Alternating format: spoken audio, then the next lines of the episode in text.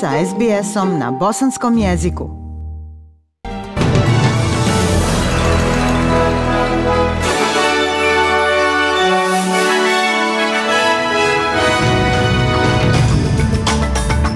U današnjim vijestima poslušajte.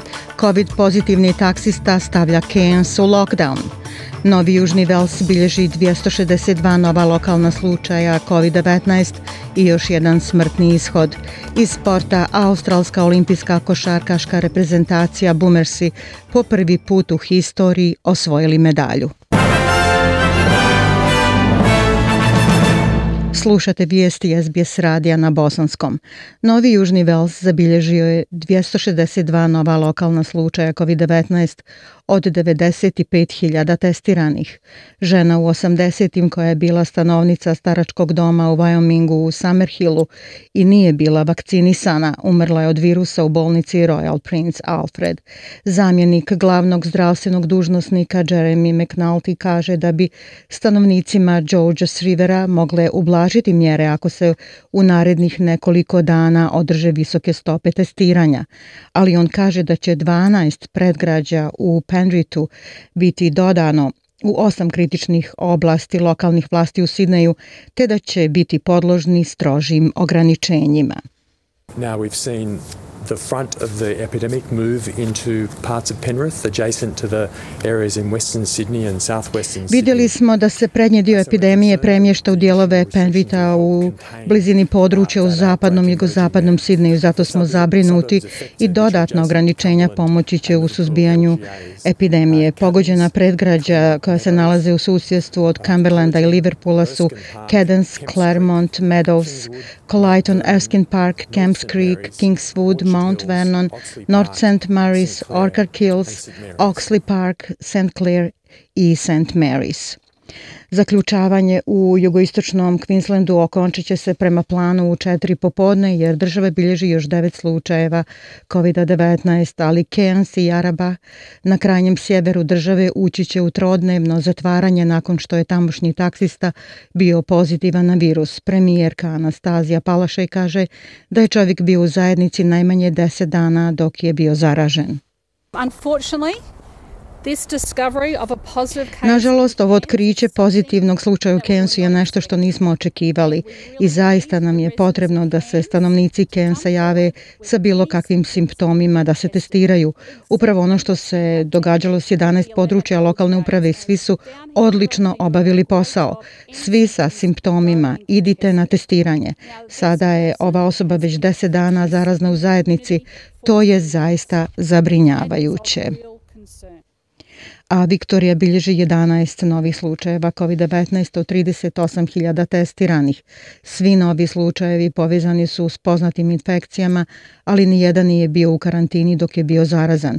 Spisak lokacija izloženosti u državi narastao je na više od 140, uključujući College Mount Alexander u Flemingtonu i radno mjesto projekta Northeast Link u Jalambiju.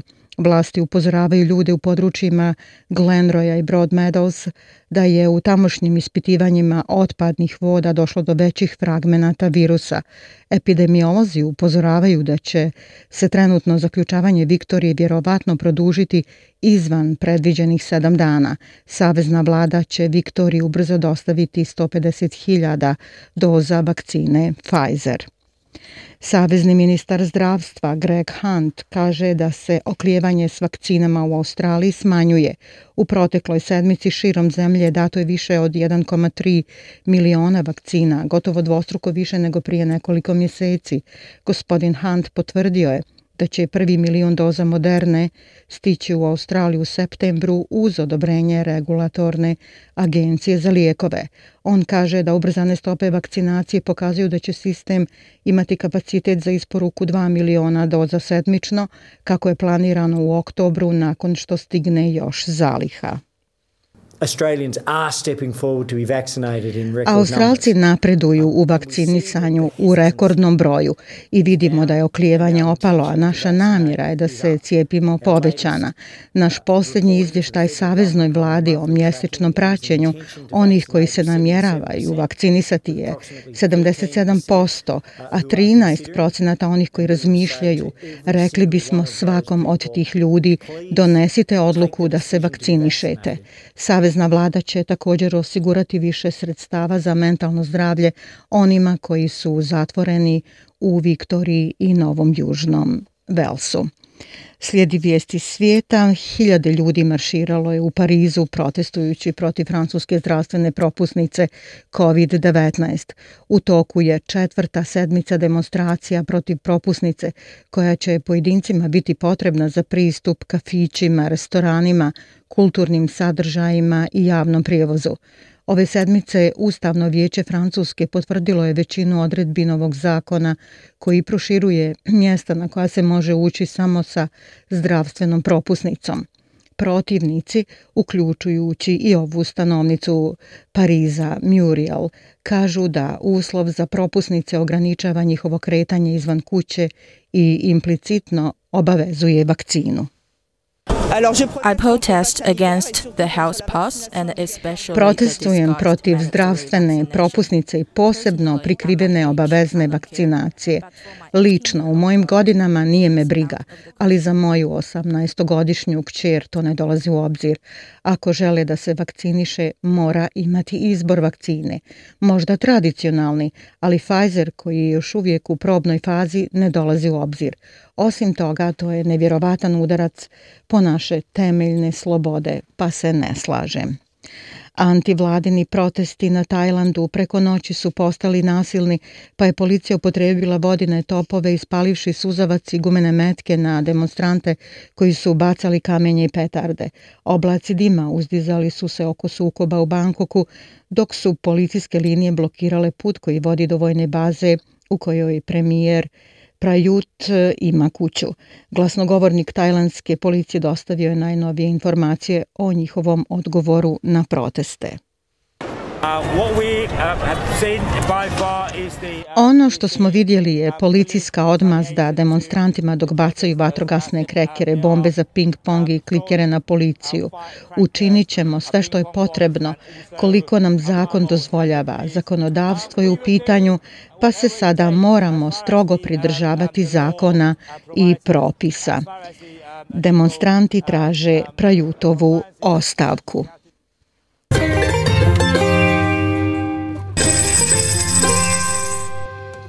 Prema kursnoj listi, australski dolar danas vrijedi 0,73 američkog dolara, 0,62 eura, 0,53 britanske funte te 1,22 bosanske konvertibilne marke.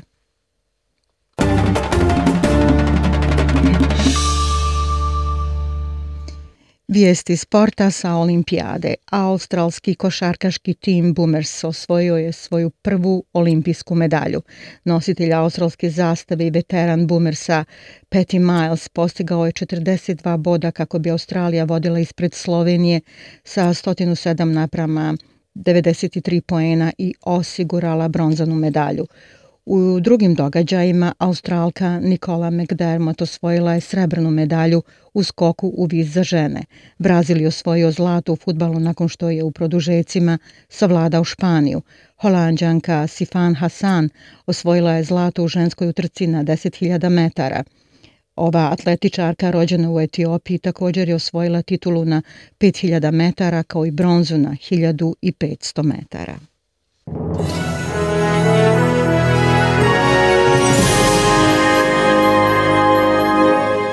I za kraj poslušajte temperaturne vrijednosti za veće gradove Australije. U Pertu 20 stepeni, Adelaidu oblačno 17, Melbourneu slično, ali 16, Hobartu 13, u Kamberi 14, Sidneju 17 stepeni, u Brisbaneu oblačno 23 i u Darwinu uglavnom sunčano 32 stepena Celzijusa. Bile su to vijesti SBS radija na bosanskom jeziku. Ja sam Aisha Hadži Ahmetović, ostanite uz SBS radio.